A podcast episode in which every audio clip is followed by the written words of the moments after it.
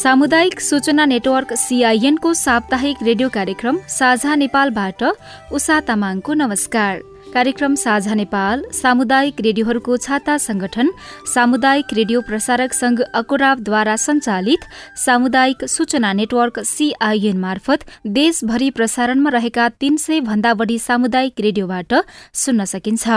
साझा नेपाल खबर डट कममा इन्टरनेट मार्फत चाहेको बेला विश्वभरि सुन्न सकिन्छ भने मोबाइल एप सीआईएन र हाम्रो फेसबुक पेज सीआईएन खबर मार्फत पनि सुन्न सकिन्छ। कार्यक्रम साझा नेपालको आजको अङ्कमा स्थानीय तहका जनप्रतिनिधिले शुरू गरेका राम्रा काम अनि आइपरेका चुनौतीबारे छलफल गर्दैछौ। दुई हजार उनासी वैशाख एकतीस गते सम्पन्न भएको स्थानीय तहको निर्वाचनबाट निर्वाचित भएका जनप्रतिनिधिहरूले पुराना केही कामलाई निरन्तरता अनि नयाँ कामको थालनी गरेका छन्। जनप्रतिनिधिको जिम्मेवारी सम्हालेपछि नगर प्रमुख उपप्रमुखहरूले विभिन्न चुनौतीको सामना गरिरहेका छन्। यसरी आइपरेका चुनौतीहरू जिल्ला र पालिका अनुसार भने फरक फरक किसिमका छन्। कार्यक्रमको सुरुवात गरौं विराटनगर महानगरपालिकाबाट। तीस हजार भन्दा बढ़ी मतका साथ प्रदेश नम्बर एकको एउटा मात्र विराटनगर महानगरपालिका प्रमुखमा नागेश कोइराला निर्वाचित हुनुभयो। प्रदेशभर एउटा मात्रै महानगर विराटनगर भएकाले प्रदेशभरका पालिकाले सिको गर्ने किसिमका काम गर्नुपर्ने अवसर र चुनौती जनप्रतिनिधिलाई छ। महानगर प्रमुखको जिम्मेवारी लिएपछि धेरै खाले चुनौती आए पनि विराटनगर डुबानमा पर्ने समस्या प्रमुख रहेको कोइराला बताउनुहुन्छ।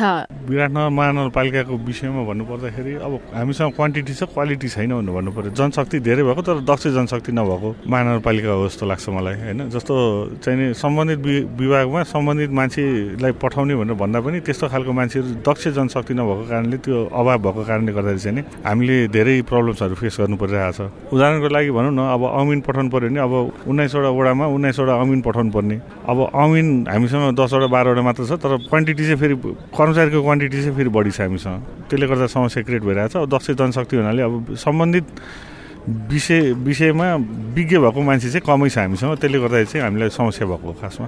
यसले गर्दाखेरि चाहिँ तपाईँहरूले चुनौतीकै रूपमा आइपरेको अथवा भोग्नु परेको कुराहरू चाहिँ के के छन्? विराटनगरको सबभन्दा मूल समस्या भनेकै डुबानको समस्या हो। होइन? हामीले विराटनगरको कस्तो छ भने विराटनगरको भूगोल कस्तो छ भन्दाखेरि नेपालको दक्षिण भागमा पर्छ। त्यसमाथिबाट चाहिँ नि विराटनगरको पूर्व र पश्चिमपट्टि दुईवटा खोला छ। अब बर्खाको सिजनमा माथिको पानी आएर विराटनगरमा बस्ने एउटा कुरा भयो। खोलाले पानी लाने कुरामा पनि खोलामा पानी ओभरफ्लो भएर खोलाको पानी पनि भित्र छिरेको कारणले गर्दाखेरि डुबानको समस्या सबभन्दा मूल समस्या हो। जबसम्म हामीले चाहिँ डुबानको समस्यालाई समाधान गर्न सक्दैनौँ तबसम्म चाहिँ विराटनगरमा विकास निर्माणको काम अगाडि बढ्दाखेरि चाहिँ नि बाधा अडचनहरू धेरै आउँछन्। त्यसले गर्दाखेरि अहिले हामीले प्राथमिकतामा राखेको नै डुबानको समस्यालाई कसरी चाहिँ निराकरण गर्ने अथवा चाहिँ मिनिमाइज गर्ने भन्ने कुरामा चाहिँ हामी अलिकति लागिरहे लागिपरेका छौँ। र ड्रेनेज सिस्टम इन्ट्याक्ट बनाउने र दुईवटा खोलाको दुईवटा खोला जुन छ त्यसमा त्यसमा चाहिँ नि तटबन्ध अथवा चाहिँ इम्ब्याङ्कमेन्ट भन्छ नि। त्यो बनाएर ड्रेनेज सिस्टम मार्फत चाहिँ साइन्टिफिकली विराटनगरमा जम्ने पानीलाई चाहिँ साइन्टिफिकली हामीले म्यानेज गरेर खोलासम्म पुर्याउन सक्यो भने अनि त्यसपछि चाहिँ विराटनगरले चाहिँ नि मुहार फेर्छ जस्तो लाग्छ मलाई। भने पछाडि एउटा ठुलो चुनौती र तपाईँले गरेर देखाउनु पर्ने कुरा चाहिँ डुबानको समस्यालाई समाधान गर्नु हजुर। खास गरेर सहर बजारको कुरा आउँदाखेरि चाहिँ बजार व्यवस्थापन र त्यसमा पनि पोहोर व्यवस्थापनको कुरा उठेर आउँछ। विराटनगर महानगरको केसमा चाहिँ के छ यो दुईटा कुरा? अब यसमा चाहिँ के कस्तो छ भने सरसफाइको समस्या त्यत्रो ठुलो समस्या होइन किनभने सरसफाइलाई हामीले चाहिँ सुरुदेखि नै प्राथमिकतामा राखेका थियौँ र सरसफाइ विराटनगरको इन्ट्याक्टै छ। तर अब के छ भने सरसफाइ भन्नाले कस्तो छ भने त्यो फोहोर उठाएर जुन लगेर हामी ल्यान्डफिल साइडमा हाल्छौँ नि त्यो त पाहाड बनेर जान्छ फेरि। र त्यसले चाहिँ दुर्गन्ध पनि फैलाउँछ र महामारी पनि फैलाउने सम्भावना हुन्छ र त्यसले चाहिँ त्यसले चाहिँ समाजमा असर पनि गर्छ। त्यसले गर्दाखेरि एडिबीसँग एडिबीसँग चाहिँ नि हामीले सहकार्य गरेर एडिबी मार्फत चाहिँ वेस्ट म्यानेजमेन्ट अथवा चाहिँ नि वेस्ट म्यानेजमेन्ट र वेस्ट म्यानेजमेन्ट सँगसँगै चाहिँ नि त्यसलाई सेग्रिगेट गरेर फोहोरहरू जति उठ्छ त्यसलाई प्रशोधन गरेर मल बन्ने मल बन्ने प्लास्टिक बन्ने प्लास्टिक बन्ने सिसा सिसा बन्ने अथवा चाहिँ फलाम फलाम बन्ने हुन्छ नि। त्यो हिसाबले चाहिँ हामी एडिबीसँग सहकार गरेर अगाडि बढिरहेको छौँ। एउटा फेज सिधिसकेको छ र अगाडि प्रक्रिया अगाडि बढेको मैले तपाईँहरूलाई जानकारी गराउन चाहन्छु। एउटा परिकल्पना हुन्छ नि मेयर साहब जस्तो यो पाँच वर्षको कार्यकाल सकिँदै गर्दाखेरि चाहिँ फोहोर व्यवस्थापनको कुरा चाहिँ विराटनगर महानगरले यहाँसम्म पुर्याउने छ भन्ने के छ तपाईँहरूको? फेरि पनि मैले भने फोहोर व्यवस्थापनमा त्यत्रो ठुलो समस्या होइन हामीलाई। एडिबीले लियो भने त्यसले चाहिँ फोहोर व्यवस्थापन आनन्दले हुन्छ त्यसमा समस्या छैन। र हामीले जमिन पनि एलोकेट गरिसक्यो उनीहरूले डिपिआर गरिसकेका छन् र अब प्रोसेस अगाडि बढाउने भनेर त्यो क्रममा भएको कारणले गर्दाखेरि अब आउने कमसेकम चालिस वर्ष पचास वर्षलाई पुग्ने गरी चाहिँ हामी वेस्ट म्यानेजमेन्टको चाहिँ च्याप्टरै क्लोज गर्छौँ हामी भनेर भन्नु पऱ्यो त्यही पनि अब यो कुरा गर्दाखेरि पनि त्यसैले पुगेन फेरि। डुबानकै समस्या सबभन्दा मूल आयो। त्यस त्यसलाई चाहिँ कसरी निराकरण गर्ने भन्ने विषयमा चाहिँ थुप्रै दात्री निकायहरूसँग कुरा भइरहेछ सरकारी निकायहरूसँग पनि सङ्घ सरकारसँग पनि कुरा भइरहेछ। त्यही हिसाबले चाहिँ अगाडि बढाउने प्रक्रियामा छौँ। एकपट्टि खोलाको लागि चाहिँ सङ्घ सरकारले स्विस सरकारसँग मिलेर चाहिँ बजेट एलोकेट गरिसकेको छ। त्यतातिर बन्ने क्रम सुरु हुन्छ होला। अब यो सरकार फर्मेसन हुने बित्तिकै। अर्कोपट्टि चाहिँ महानगरपालिकाले आफै डिपिआर गरेर कति खर्च लाग्छ भने पहिले निकालेर त्यसपछि कहाँबाट बजेट खोज्ने भन्ने कुरामा हामी अगाडि अगाडि बढ्नेछौँ। र ड्रेनेज सिस्टमको लागि चाहिँ एडिबीले वेस्ट म्यानेजमेन्ट पनि उनीहरूले नै जिम्मा लिएको उहाँहरूले नै जिम्मा लिएको कारणले अन्य ड्रेनेज सिस्टम अथवा चाहिँ सिवरेज सिस्टम जुन छ घर घरबाट चाहिँ जुन चाहिँ फोहोर फोहोर मैलाहरू पानी अथवा चाहिँ फोहोर मैला जुन निस्किन्छ टोइलेटहरूबाट त्यो चाहिँ नि वेस्ट वाटर ट्रिटमेन्ट प्लान्ट हाम्रो छँदैछ त्यसलाई चाहिँ कसरी म्यानेज गर्ने र त्यहाँसम्म कसरी पुर्याउने भन्ने विषयमा चाहिँ एडिबीले छलफल गरिरहेको छ। दुई फेजको चाहिँ अध्ययन सिधि सिधाइसकेको छ। प्रक्रिया अगाडि बढिरहेको मैले जानकारी गरेँ। विराटनगर महानगरपालिका आफैमा चाहिँ प्रदेश नम्बर एकको एउटा मात्र महानगरपालिका भएको कारणले गर्दाखेरि महानगरपालिकाले जे गर्छ पहिले त्यसपछि मात्र अन्य पालिकाहरूले गर्ने गरेको छ। तर अब उदाहरणीय काम भन्ने उदाहरणीय काम भन्ने थुप्रै कामहरू हुन सक्छन्। जस्तो सानो कुरा पनि हामीले कर्मचारी धेरै भयो अब कर्मचारी चाहिँ हामीले चाहिँ ज्यादातर कर्मचारी अलिकति हामीले ओएनएम अपरेसन्स एन्ड म्यानेजमेन्टको चाहिँ सिस्टमलाई लागू गराएको छौँ। त्यसमा चाहिँ अध्ययन भएर विस्तृत अध्ययन भएर आइसकेको छ। त्यो अध्ययन गरेर आएको प्रतिवेदनलाई हामी चाहिँ कार्य हाम्रो समितिमा राखेर कार्यपालिकाको समितिमा राखेर हामीले चाहिँ कसरी चाहिँ ओएनएम कसरी लागू गराउने र कसरी कर्मचारीहरूलाई म्यानेज गर्ने भन्ने विषयमा चाहिँ अब जाने बित्तिकै लगत्तै हामीले चाहिँ कर्मचारीलाई कसरी चाहिँ व्यवस्थित गर्न सक्छौँ त्यो हेर्दैछौँ। अब यो हेर्दै गर्दाखेरि फेरि अन्य पालिकाहरू अन्य दुई तिनवटा पालिकाहरू छन् जसले चाहिँ आउने बित्तिकै प्रमुखहरू आउने बित्तिकै निर्वाचित भएर आउने बित्तिकै उहाँहरूले चाहिँ आफ्नो करारका कर्मचारीहरू ज्यालादारीहरू निकालिसक्नु भएको छ। त्यही भनेर भएन अन्य थुप्रै कुराहरू छन् जहाँबाट चाहिँ विराटनगर महानगरपालिकाले गर्यो भनेर भन्ने बित्तिकै चाहिँ अरूहरूले गर्ने गरेको छ। जस्तो फुटपाथ क्लियर गर्ने कुरामा पनि फुटपाथ अहिले क्लियर गराउँदैछ हामी। माथि नक्सा पास गरेको संरचनाभन्दा बाहिर चाहिँ संरचना राख्नु नपाउने भनेर हामीले चाहिँ फुटपाथहरू सबै क्लियर गराउँदैछौँ। त्यही हेरेर चाहिँ अन्य अन्य पालिकाहरूले पनि गरिराख्नु भएको छ। सरसफाइको हकमा पनि हामीले तिन भागमा बाँडेर त दिएका छौँ सरसफाइ गर्नलाई। त्यसमा त्यसमा पनि चाहिँ यो डिजाइनबाट चाहिँ गर्दाखेरि चाहिँ हामीलाई सहज हुन्छ भनेर चाहिँ अन्य पालिकाहरूले पनि गरिराख्नु भएको छ। त्यसै गरी महानगरपालिकाले गरेको काम हेरेर चाहिँ प्रदेश नम्बर एकका प्राय प्राय चाहिँ गाउँपालिका नगरपालिकाहरूले चाहिँ फलो गर्ने गर्नुभएको छ। विराटनगर महानगरपालिकाका प्रमुख नागेश कोइरालासँगको कुराकानीपछि अब लागौं मध्यपुर थिमी नगरपालिकातर्फ। अघिल्लो कार्यकालमा निर्वाचित कतिपय उपप्रमुखले ऐन कानूनमा नै उल्लेख भएको अधिकार उपयोग गर्न प्रमुख वा अध्यक्षले असहयोग गरेको गुनासो गरेका थिए। तर यसपालि त्यसो भएको गुनासो केही कम सुनिएको छ।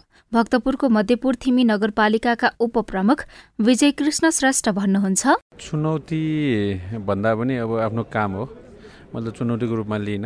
एउटा आफ्नो कर्तव्य हो अधिकार हो। त्यो अधिकार प्रयोग गर्ने र जनतालाई सेवा गर्ने कुरा हो। अब यो काममा निरन्तर लागिरहेको छु।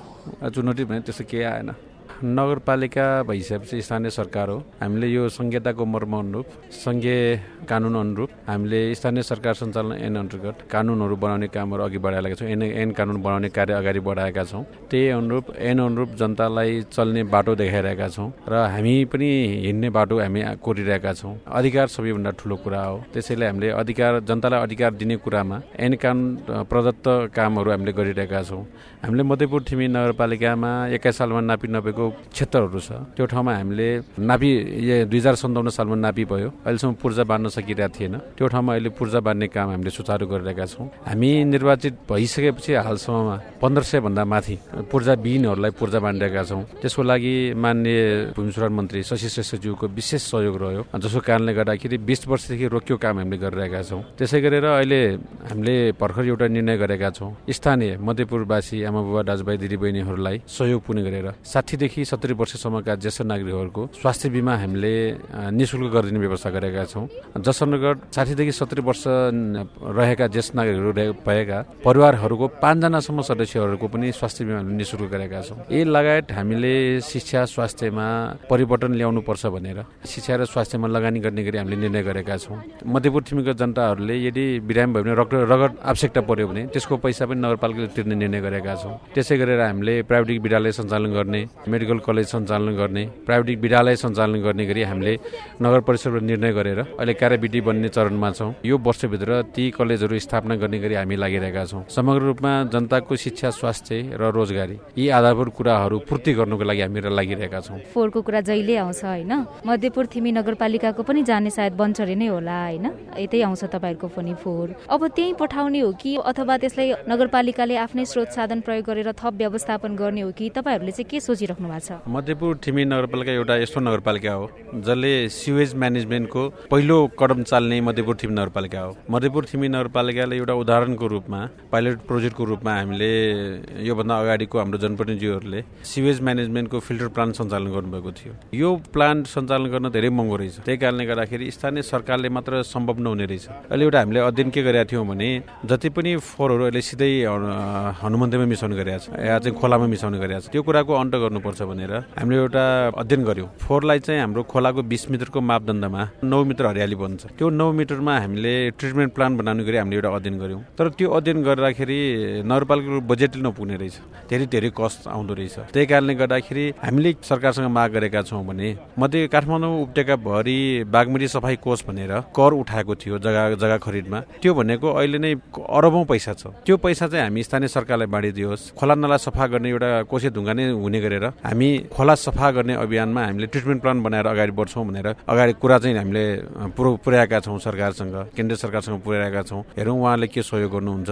र अर्को कुरा फोहोरको जुन अब हाम्रो अहिले विसर्जनको कुरा छ अहिले चाहिँ मात्र विसर्जनको कुरा भइरहेछ। फोहोर विसर्जन मात्रै त्यसलाई पुनः प्रयोग गर्ने कुनै पनि योजना छैन। मध्यपुर थिमिन त्यसलाई पुनः प्रयोग गर्नुपर्छ भनेर हामीले चार नम्बर वडामा हामीले मध्यपुर थिमिन नगरपालिकाकै पहलमा आर्थिक सहयोगमा एउटा प्राइभेट कम्पनीसँग मिलेर हामीले मल बनाउने काम सञ्चालन गरेका छौँ। रिकिसी कम्पोस्ट मलसँग सहकारी गरेर हामीले गरिरहेछौँ तर त्यो काम गर्नको लागि हामी जस्तो सानो क्षेत्रफल भएको नगरपालिकालाई गाह्रो रहेछ। राम्रो खालको तरिका हो तर एरिया धेरै चाहिने। तर हाम्रो एरिया धेरै सानो छ। त्यो रिकिसी कम्पोस्ट मलको लागि यदि ठुलो क्षेत्र भएका जनसङ्ख्या कम भएको नगरपालिकाहरू छ नि उहाँले युज गर्ने भए धेरै नै राम्रो। तर हामीलाई चाहिँ सानो ठाउँ भएको कारणले गर्दाखेरि हामीले प्रभावकारी रूपमा गर्न सकेका छैनौँ। त्यो पाइलट प्रोजेक्ट रूपमा हामीले गर्दै गर्दाखेरि धेरै नगरपालिकाहरूले भ्रमण गर्नुभयो र उहाँहरूले एउटा सिक्दै जानुभयो। यो एक महिना अगाडि हाम्रो काठमाडौँ नगरपालिका महानगरपालिकाको मेयर बालिन शाह ललितपुर महानगरपालिकाको मेयर साहब लगायत काठमाडौँ उपत्यकाका मेयर उपमेयरहरू आएर त्यो ठाउँ हेरेर पनि जानुभयो। तर कम ठाउँ भएको क्षेत्रमा चाहिँ धेरै गाह्रो छ त्यो सिस्टम लागू गर्नको लागि तैपनि हामीले गरिरहेका छौँ। र अहिले हामी तत्कालै हामीले नगरपालिकाको लागि गाडी किन्ने भनेर निर्णय गरेका थियौँ।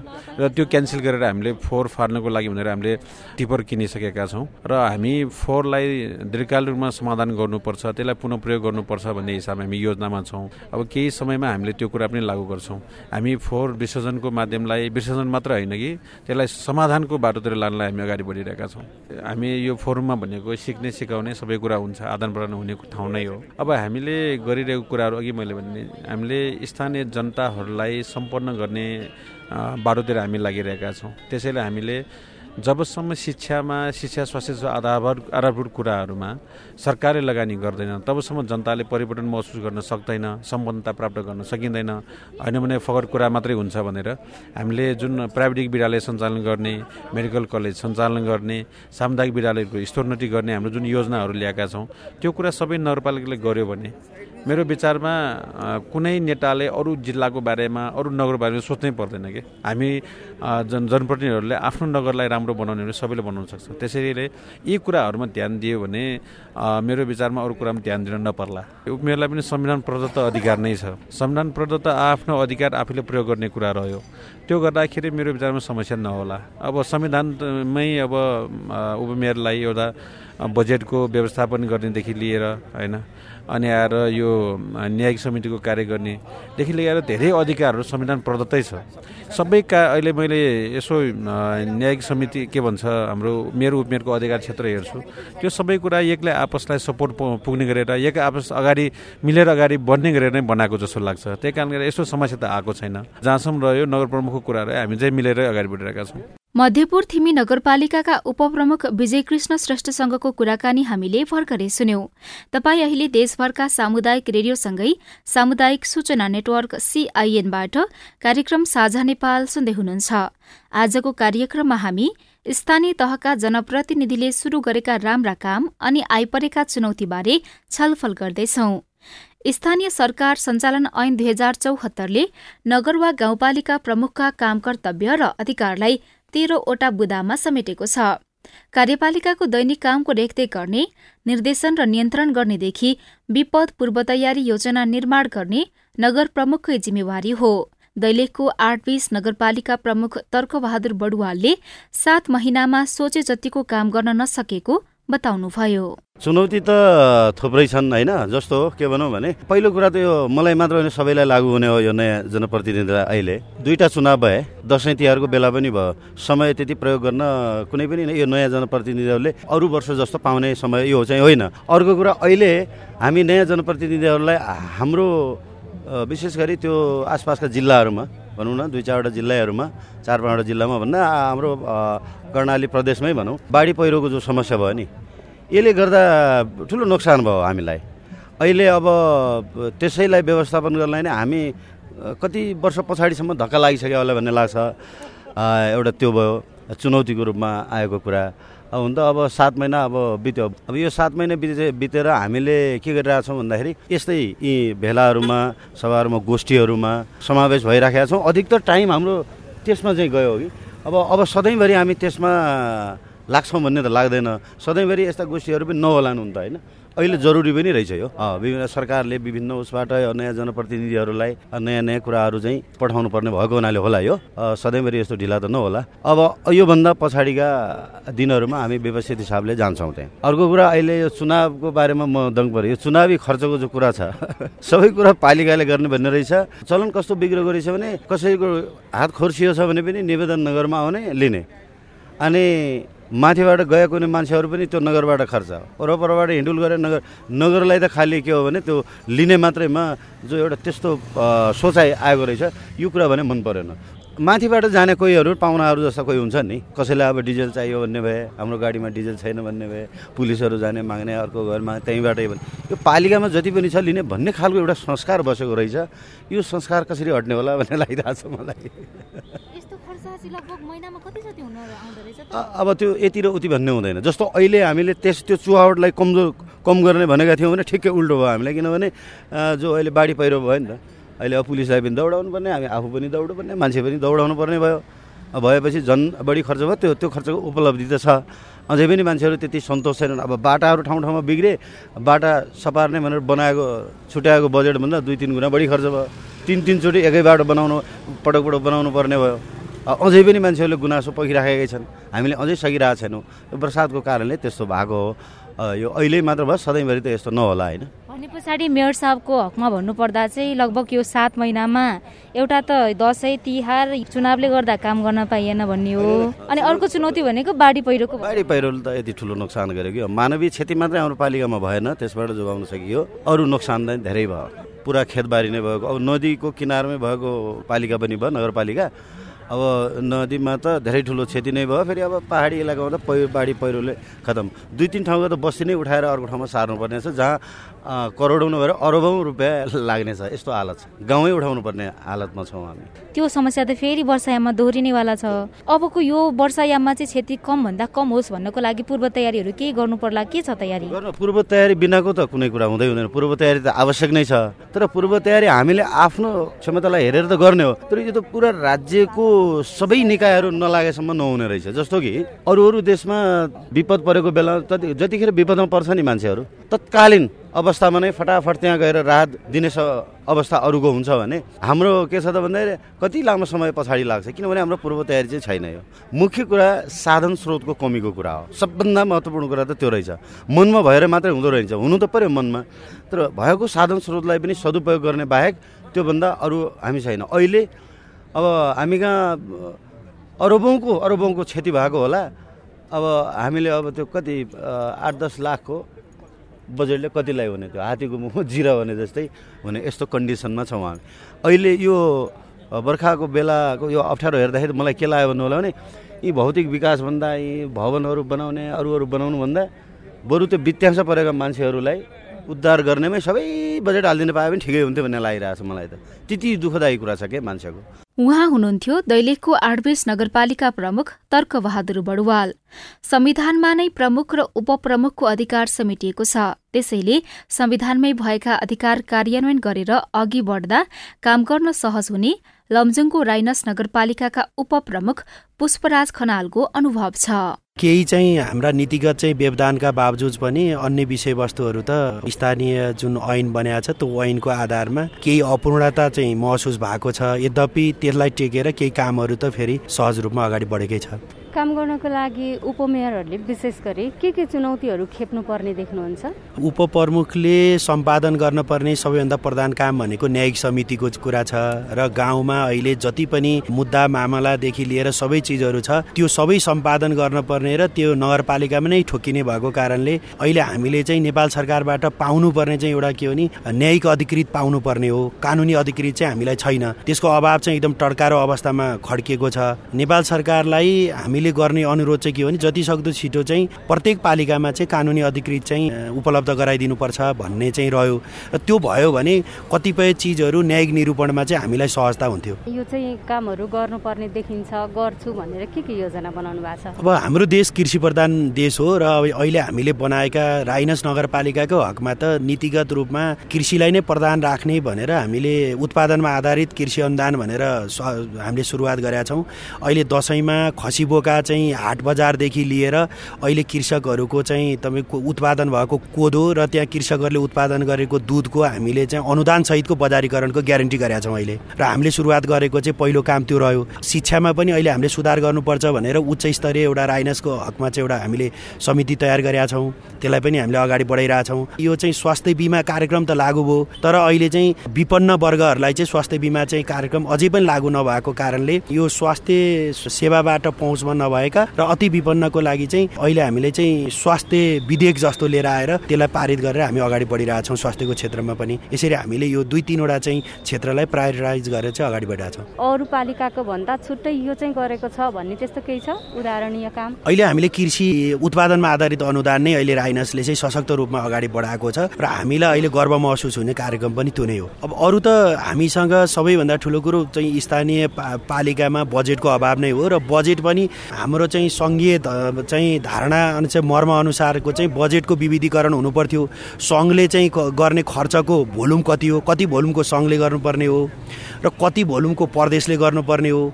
अब अहिले सङ्घीय सरकारले एक डेढ लाखको योजना पनि सङ्घीय सरकारले चाहिँ कार्यान्वयन गर्छ। प्रदेश सरकारले त्योभन्दा तल चालिस पचास हजारका चाहिँ योजना पनि सङ्घीय सरकार प्रदेश सरकार मार्फत आउँछ। भने चाहिँ हामी यही अन्नोलमा छौँ कि स्थानीय सरकारले चाहिँ कार्यान्वयन गर्न पाउने बजेटको भोल्युम कति हो? त्यो पनि किटानी हुनु पऱ्यो र त्यसको लागि चाहिँ अब कानुनी व्यवस्था नै भइदियो हुँदै सङ्घको सरकारले यतिसम्मको बजेटको भोल्युम गर्ने प्रदेश सरकारले यतिसम्मको र स्थानीय सरकारलाई यो बजेटको कार्यान्वयन गर्न दिने व्यवस्था गरिदिए हुँदै। अब हामीलाई चाहिँ चाहिँ अलिक सहजता हुन्थ्यो कि भन्ने हो? हामीलाई चाहिँ अहिले दिएको कुरा के हो नि? यो यो देशलाई संवि संविधानमा हामीले समाजवाद उन्मुख अर्थतन्त्र बनाउने भनेको समाजवाद उन्मुख अर्थतन्त्र भनेको हामी आत्मनिर्भर बन्नु पऱ्यो आत्मनिर्भर बनाउन सक्ने नेपालमा एउटा मात्रै माध्यम भनेको कृषि हो र कृषिलाई नै सबै चिजहरू केन्द्रीकृत गरेर बजेटदेखि लिएर कार्यक्रमहरू सबै पालिकाले पालिकाहरूले चाहिँ अब कृषिलाई चाहिँ चाहिँ अगाडि बढाउने वातावरण बन्यो भने मात्रै हामी आत्मनिर्भर बन्छौँ र हाम्रो अर्थतन्त्र आत्मनिर्भर बन्छ र भोलि संविधानमा जुन लेखिएको छ नि समाजवाद उन्मुख चाहिँ हाम्रो चाहिँ राज्य व्यवस्था बन्ने छ भन्ने त्यसको आधार बन्न सक्छ भन्ने चाहिँ हाम्रो जोड हो एउटा कुरा। र नेपाल सरकारलाई पनि मेरो अनुरोध व्यक्तिगत रूपमा र चाहिँ हाम्रो चाहिँ पालिकाहरूको पनि अनुरोध के होला जस्तो लाग्छ भने हामीलाई कृषिमा आधारित धेरै चिजहरू कृषक लक्षित हुनु पऱ्यो योभन्दा अगाडि चाहिँ कृषिमा आधारित अनुदान थियो।